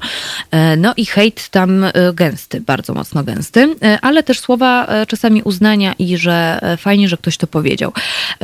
Jeżeli sobie Państwo wyszukają, e, matka była kiedyś matką, dlaczego dziś Dzie- no, jeszcze raz. Matka była kiedyś matką. Dlaczego dziś nikt już matek nie chwali i nie broni? To jest felieton Ewy Kalety z 7 czerwca 2020 roku w Wysokich Obcasach opublikowany. Odsyłam Państwa, e, odsyłam państwa do tego tekstu. E, Myślę, że bardzo warto. Tak byśmy się zastanowili. I Ty tam poruszasz taki temat e, o tym, dlaczego nas, bo matki to tak niby w internecie. Ale też e, matki to te, które e, mają jakąś taką czelność wychodzić z dziećmi na zewnątrz, pokazywać im świat, miejsca, wiesz, funkcjonować w przestrzeni publicznej, czy to na poczcie, czy to w restauracji. No i e, w jednym z komentarzy jest, w jednym z komentarzy jest w jednym z komentarzy jest niech no ja to aha, w jednym z komentarzy e, odnosi się to do socjalizacji po prostu. E, Czy mogłabyś coś więcej na ten temat powiedzieć? E, Tak, pamiętam ten komentarz, bo ja e, czytam zawsze komentarze pod moimi tekstami. Mm, Są najczęściej bardzo trudne do zniesienia, ale, ale zawsze to robię, bo, bo jednak jestem ciekawa odbioru. Em, I pamiętam ten komentarz. I e, ja, wid- ja em,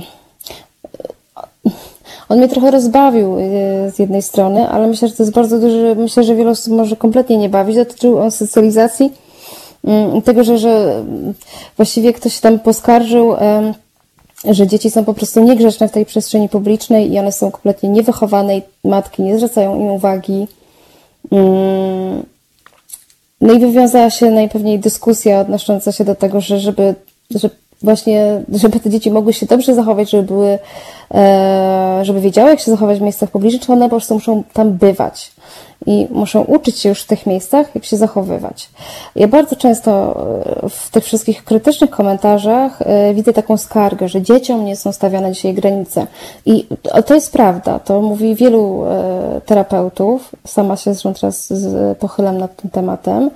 E, To prawda, mamy problem z granicami, ze stawianiem dzieciom granic. To jest, to, to, to jest jakiś obraz naszej e, kondycji współczesnego rodzica, ale ludziom przeszkadza, ma- mam wrażenie, że ludzi nawiedza takie wyimaginowane dziecko po prostu rozwydrzone. Tak samo nawiedza ich taka wyimaginowana, odkryta pierś, która karmi e, to dziecko, że to są takie wyobrażenia, które my nosimy, ponieważ nie wiem jak ty, ale ja bardzo rzadko spotykam się z takimi dziećmi, które są jakoś takie bardzo nieposłuszne rodzicom, czy, czy dokuczające obcym ludziom.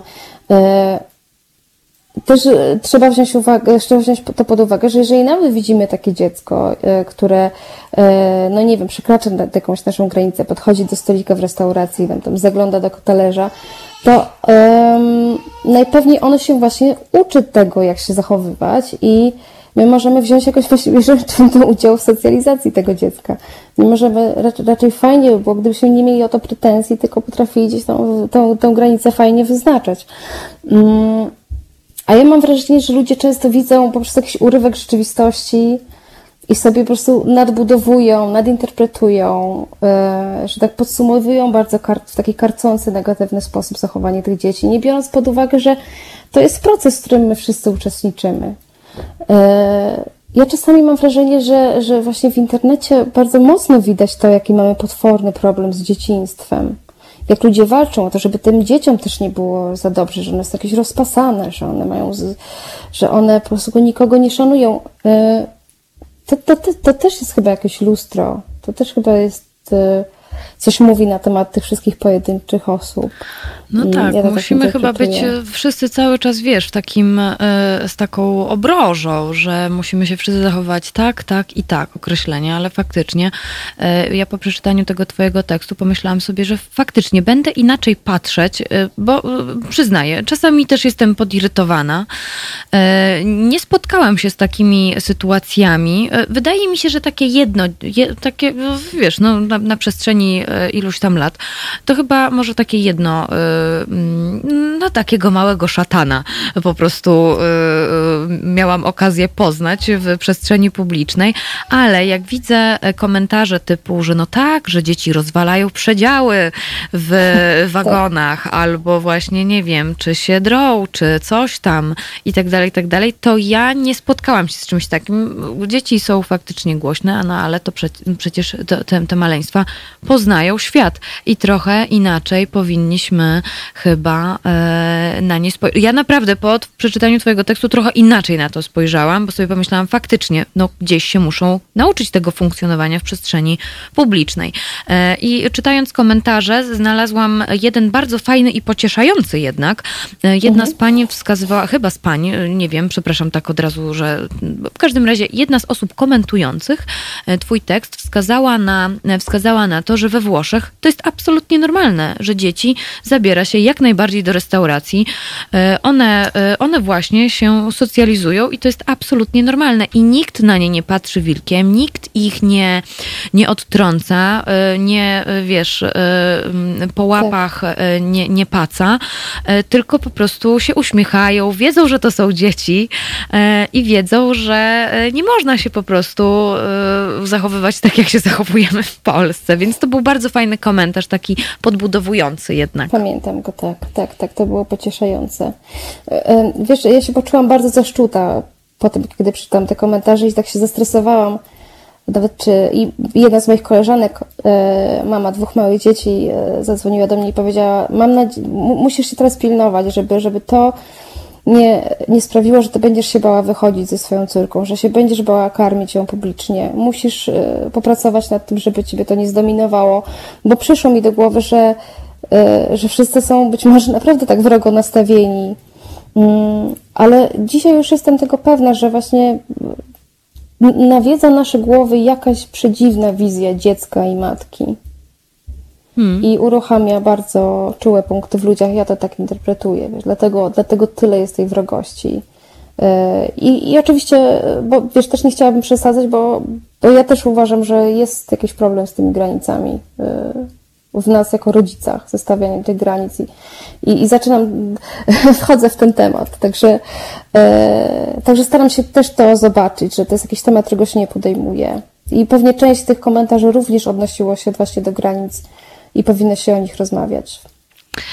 E, proszę Państwa, jeżeli mają Państwo jakieś refleksje na temat e, właśnie macierzyństwa, na temat e, socjalizacji młodych obywateli i młodych obywatelek, maleńkich obywateli i maleńkich obywatelek, to proszę pamiętać, że jestem z Państwem do godziny 18. Ja i Ewa Kaleta jesteśmy z Państwem jeszcze do godziny 18.45. Jeżeli Państwo nas uraczą telefonem, to byłoby super. Właśnie musimy się tak wymieniać swoimi spostrzeżeniami, może doświadczeniami, doświadczeniami, a może, a może coś, jak pan na przykład Robert wskazywał o tym uśmiechu, no to to by było super. E, telefon do studia cały czas ten sam, 22 39 059 22. E, mogą państwo też pisać na czacie na Facebooku, na czacie na YouTubie, albo teraz małpa halo.radio. E, I e, jeszcze tutaj, e, zanim Ronan Keating e, nam tutaj wiedzie, to myślę sobie, to myślę sobie, to, to znaczy nawet nie myślę sobie, tylko chciałabym, tylko chciałabym zacytować e, parę komentarzy. E, pani Danuta, to jest a propos tego, wiesz, wychowywania, Ewo. Mhm. Pani tak. Danuta mówi, matka rodzi dziecko, dziecko rodzi matkę. E, z kolei pan tak. Jacek, niektórzy myślą, że wychowywanie dzieci to jest taka super sprawa jak z reklamy pieluszek, a później po urodzeniu dziecka reklama pieluszek się kończy i zaczyna się tak zwany real. To takie. Przepraszam, czy mogę coś jeszcze powiedzieć Oczywiście. a propos tego pierwszego zdania, bo, bo, bo rzeczywiście bardzo, bardzo trafne zdanie, bardzo poruszające. E, mi w ogóle bardzo brakuje takich, e, takich zdań i takich rozmów na temat macierzyństwa, e, takich głębokich. Ich jest naprawdę tak mało. Wiesz, oferuje się jest tyle książek dla, o wychowaniu, wiesz, właśnie o macierzyństwie, poradników, kobiety bardzo dużo tego czytają. Mm, to jest naprawdę żyła złota. A tak mało jest głębokich rozmów na temat macierzyństwa i kobiet w ogóle, przede wszystkim kobiet, y, y, które się i w jaki sposób je to odmienia. Mm, bardzo są ciekawe tematy. Ja wiesz, że bardzo szukam teraz takiej przestrzeni, żeby, mm, żeby móc o tym pisać, żeby móc o tym mówić y, w taki głęboki sposób. Bardzo tego jest mało i tego bardzo brakuje. Myślę, że wiele kobiet, które usłyszałyby to zdanie, które teraz zacytowałaś, poczułyby się jakoś w ogóle ukojone i, i zrozumiane. E, okres ten macierzyński i mm, czas ciąży to jest taki moment, e, dla wielu kobiet, wiem to, od moich znajomych różnych, to jest taki, wiesz, bardzo, są bardzo wrażliwione, bardzo rozbudzone intelektualnie, chce im się rozmawiać, czytać, e, wiesz, poznajesz świat trochę od nowa. A tak mało jest takiej przestrzeni, bardzo żałuję. E, no to akurat e, będzie można, e, będzie można naszą audycję po prostu podsyłać dalej w świat. Państwa również do tego będę zachęcać. Podcast będzie, wydaje mi się, że jutro na tych wszystkich platformach Spotify, Google, Apple Podcast i tak dalej, ale również będą mogli Państwo na przykład po audycji, kiedy się zakończy transmisja na Facebooku, będą mogli Państwo udostępniać naszą rozmowę z Ewą Kaletą. Może komuś jeszcze jakieś ciekawe przemyślenia a propos macierzyństwa, czy tego, jak my byliśmy dziećmi, jak traktujemy E, e, e, tych maleńkich, młodych ludzi, bo młodzi, młodzi ludzie też są ważni, też inaczej trochę na nich patrzymy tak trochę z góry, bo jesteśmy już dorośli i skoszkniali. Fuj, fuj. To, to podsyłać koniecznie. Dobrze, no to teraz zróbmy sobie chwilę oddechu z Ronanem Keatingiem i słyszymy się już za chwilkę. To jest powtórka programu.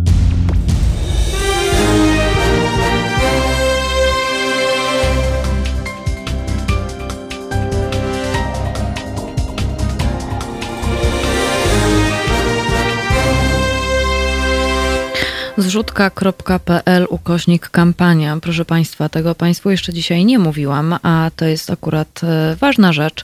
E, oprócz tego, że Państwo wspierają Halo Radio, czy to datkami, czy to byciem patronem, czy to zakupami w naszym Halo sklepie, e, typu kawa, worki, przepinki albo kubeczki. Tak, mamy Halo sklep dla tych, którzy nie wiedzą, a chcieliby nabyć. To też jako Fundacja Obywatelska chcemy stworzyć takie billboardy, postawić je w siedmiu miastach i pokazać Polakom i Polkom, że, że Kościół katolicki kosztuje nas rocznie 20 miliardów złotych, natomiast zadłużenie szpitali wynosi 14 miliardów złotych.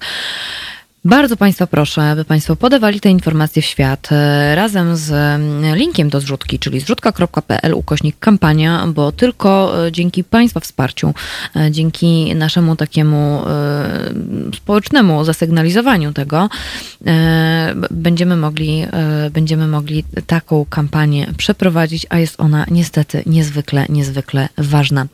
Tutaj chciałabym jeszcze przeczytać komentarze, zanim będę już będziemy już z Ewą e, Kaletą e, sobie kończyć naszą rozmowę, choć pewnie mogłybyśmy jeszcze rozmawiać i rozmawiać dość długo. E, tutaj pani Teresa skomentowała, czasami są sytuacje w życiu, po latach wie się, ile błędów się popełniło.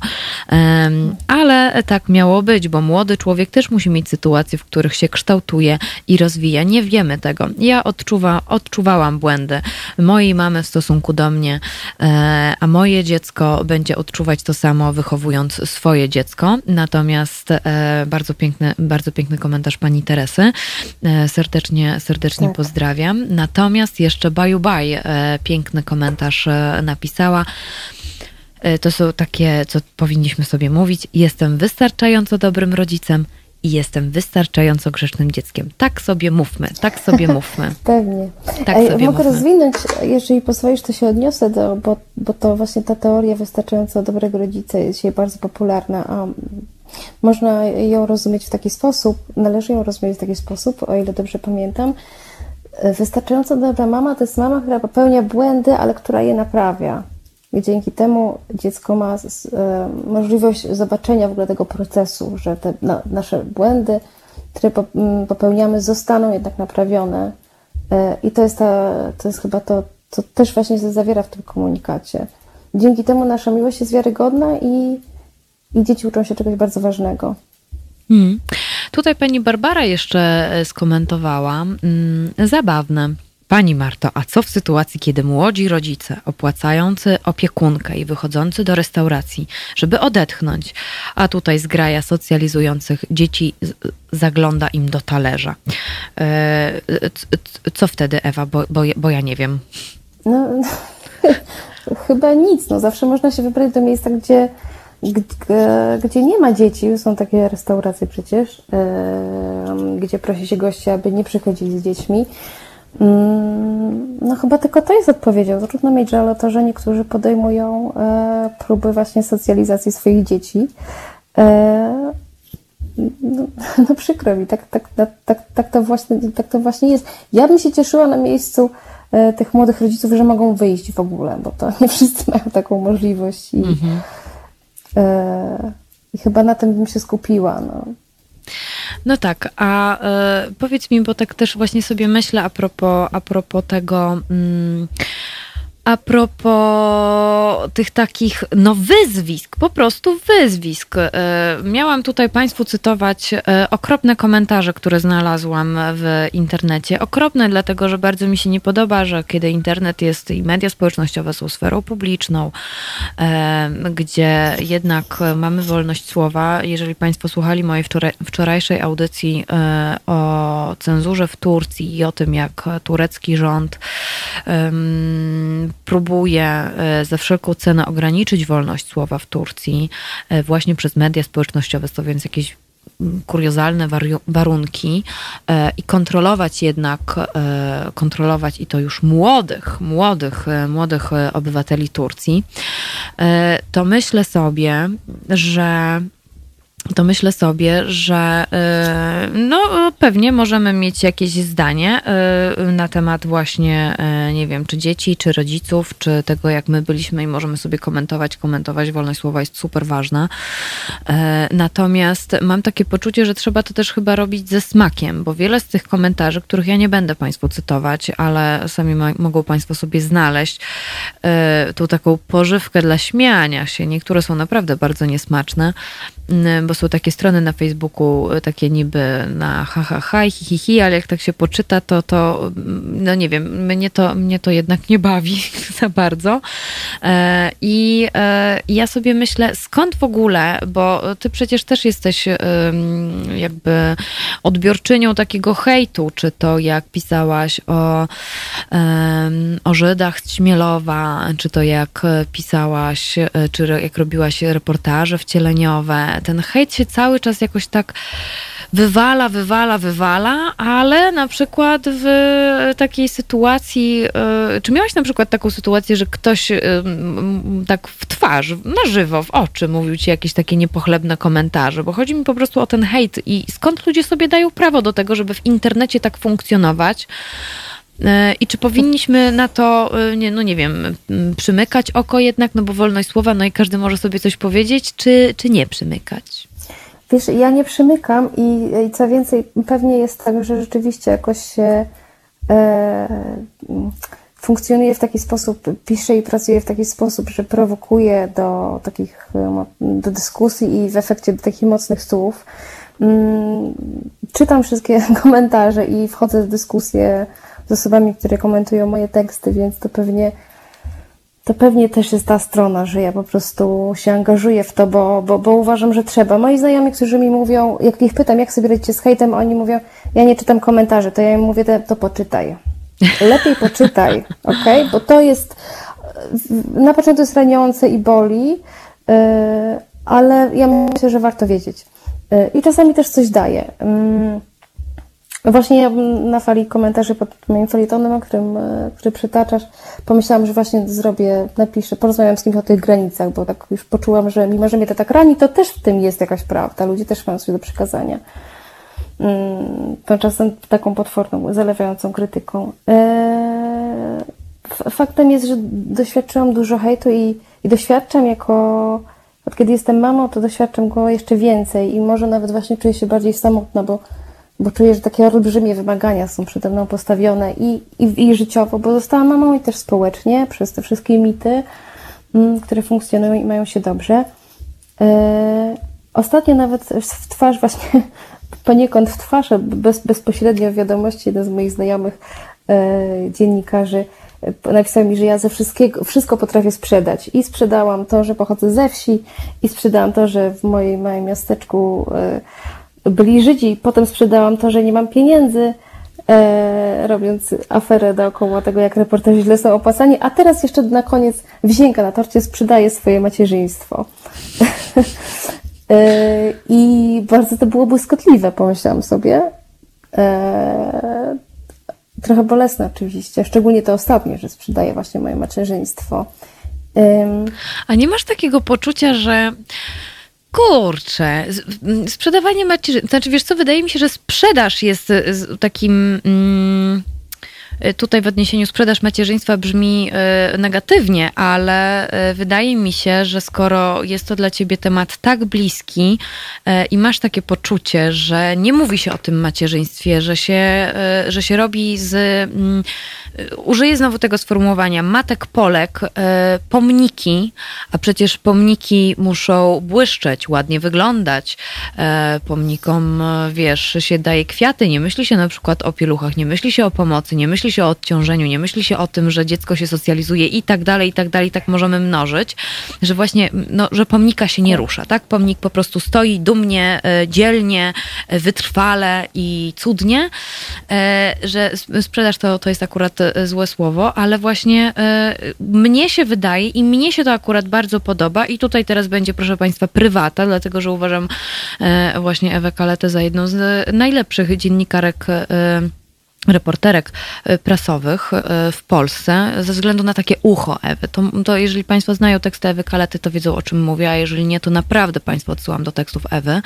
E, można je bez problemu znaleźć w internecie, bo jednak, wiesz, przez pryzmat tego, co Ty czujesz i co przeżywasz, i to jest super ważne jakby w naszym zawodzie, tak? Żeby to przekazywać. No bo wyobraź sobie, że teraz, no nie wiem, miałabyś o jakimś no o jakimś, no, no nie wiem, no o autostradach pisać.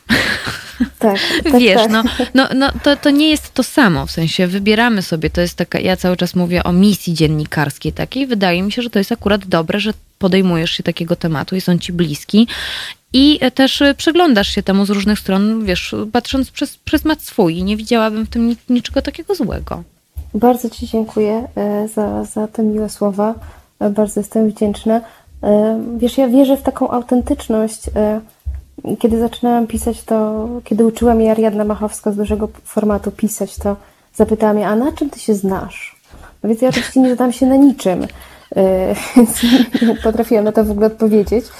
A ona zapytała, no dobrze, no to a skąd ty w ogóle jesteś? No więc ja powiedziałam, no z Śmielowa.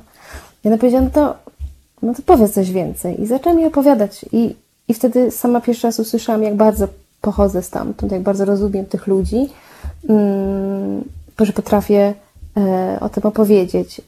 I wtedy uwierzyłam w taką, że ta autentyczność ma sens. To jest, to jest wiem też, że niektórzy twierdzą, że to jest jedyne moje narzędzie, którym się posługuję. Być może tak jest, e, ale ono jest uczciwe. E, I tak jak jeden z takich komentarzy pod tym, pod tym mm, był taki, że, że, jestem dobro, że jestem niezłą dziennikarką, tylko szkoda, że się zajęłam macierzyństwem Hmm. No bo to już wszystko wiadomo, bo ja już się zachowuję, jakbym odkryła macierzyństwo na nowo. To jest kolejna prawda, to brzmi boleśnie. tak, tak, ja, ja je po prostu odkryłam do siebie. To, ten komentarz akurat trochę mnie zranił, być może, że, że jakoś się skończyłam, bo się zajmuję macierzyństwem, ale ja od razu wtedy na drugim końcu mam taką, wiesz, reakcję, że a, a co w tym złego? Ja mam pytanie, dlaczego w takim razie inni się tym nie zajmują? No tak, właśnie, bo to tak, to też a propos, e, to a propos na przykład Sekielskiej, dlaczego Sekielscy nie zajęli się na przykład pedofilią wśród nauczycieli, bo się zajęli pedofilią wśród księży i tyle. Tak, tak to sobie dokładnie. wybieramy i po prostu, jeżeli się znajdzie ktoś, kto będzie się chciał zajmować e, autostradami, to się będzie zajmować autostradami, jak ktoś się będzie chciał zajmować pedofilią wśród nauczycieli i tak dalej, i tak dalej, i tak dalej można, można mnożyć. Ewo, będziemy musiały już kończyć. Bardzo Ci dziękuję, bardzo Państwu dziękuję. Dziękuję wszystkim, którzy w ogóle mieli ochotę wysłuchać y, matki Ewy Kalety. Bardzo Pierwszej matki w Polsce. Pierwsza matka w Polsce. To. Podkreślmy to. E, moją Państwa gościnią e, Ewa Kaleta, e, reporterka, dziennikarka związana z Gazetą Wyborczą. Jej teksty mogą Państwo czytać w dużym formacie, w wysokich obcasach, w magazynie świątecznym, albo jest też felietonistką e, na portalu Ładne Bebe. E, tutaj Pani Anna, dziękuję za kolejną audycję. Nareszcie nareszcie mam poczucie, że w tej przestrzeni zaanektowanej przez mężczyzn jest trochę miejsca na głos kobiet. Ja również się bardzo cieszę z naszego, z naszego e, spotkania. E, pani Danuta dopowiada, dzieci nie potrzebują matki idealnej, ale takiej, którą, która będzie je kochała. E, natomiast jeszcze pani Teresa podpowiada ci, proszę powiedzieć młodej mamie, żeby nie przejmowała się komentarzami. Dopóki ktoś nie jest dla niej autorytetem, to nie należy się przejmować, a każdy autorytet też trzeba poddawać w wątpliwość. To trzeba w sobie wypracować. Nie jest to łatwe, ale można spróbować. Ewo, bardzo Ci dziękuję. Dziękuję serdecznie. Dzięki, ja Państwu dziękuję. również też dzisiaj za dzisiaj dziękuję, tak wyjątkowo w niedzielę. E, za chwilę już na łączach e, Marcin Celiński będzie z Państwem. E, później połączył się o godzinie 21 z Konradem Szołajskim. No i cóż, to wszystko. Bardzo, bardzo dziękuję za dzisiaj. Proszę wysyłać dalej naszą rozmowę w świat i rozmawiajmy o macierzyństwie i yy, tak yy, patrzmy trochę inaczej może na te matki i na te bąbelki. Yy, tak po prostu w przestrzeni publicznej, nie w tej przestrzeni internetowej. Dziękuję Państwu za dzisiaj. Wszystkiego dobrego realizowała Asia, a ja nazywam się Marta Woźniak. Wszystkiego dobrego.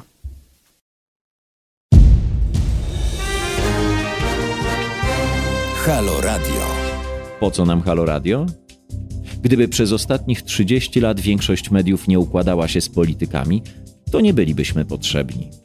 Już dawno temu media zapomniały, że powinny być dla ludzi, a nie po to, żeby wspierać konkretnych polityków. W Halo Radiu wierzymy w etos pracy dziennikarza oraz w to, że media nie mogą opowiadać się za jakąkolwiek partią ani politykiem, ani schlebiać waszym prywatnym politycznym sympatiom. Jesteśmy od tego, żeby patrzeć politykom na ręce. Każde odpowiedzialne medium powinno mówić o politykach wyłącznie wtedy, gdy sprzeniewierzają się zasadom współżycia społecznego, prawom obywatelskim czy demokracji. Jeśli polityk pracuje dobrze, to nie mówimy o nim, bo przecież robi dokładnie to, czego od niego oczekujemy, za co mu płacimy. Nie mówi się wszak o wizycie w warsztacie, gdy auto jest sprawne, nieprawdaż? Media muszą być krytyczne wobec wszystkiego i wszystkich. Taka powinna być ich rola. Drodzy Państwo, nie oczekujcie od nas, że będziemy przychylni Waszym politycznym wyborom. Będziemy natomiast mozolnie szukać dziury w całym. Po 30 latach polityczno-medialnego bagna to właśnie chcemy robić i robimy. I dlatego prosimy Was o stałe wspieranie naszej działalności www.halo.radio ukośnik SOS. Dziękujemy i życzymy dobrego odbioru Halo Radia, pierwszego medium obywatelskiego dla myślących i krytycznych Polaków.